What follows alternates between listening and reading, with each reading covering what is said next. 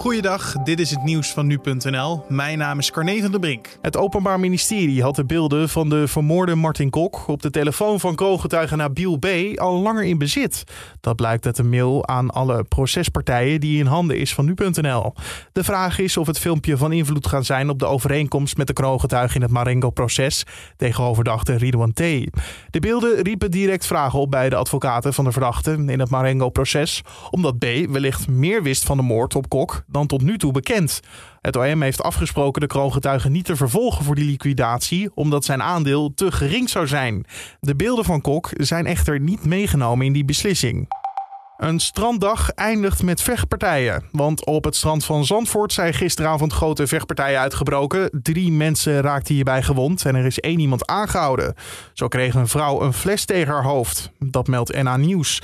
De politie heeft uiteindelijk ongeveer 150 strandgangers weggestuurd. Ook in Noordwijk zou het onrustig zijn geweest. China heeft vannacht succesvol drie ruimtevaarders de ruimte ingelanceerd. De drie gaan de eerste bemanning vormen van het gloednieuwe Chinese ruimtestation. 3, 2, 1. Ignition.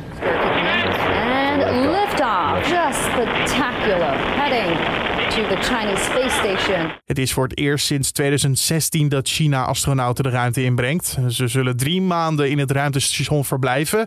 En hun belangrijkste taak is dan om te verifiëren of alle systemen goed werken. Ze zullen ook twee ruimtewandelingen maken.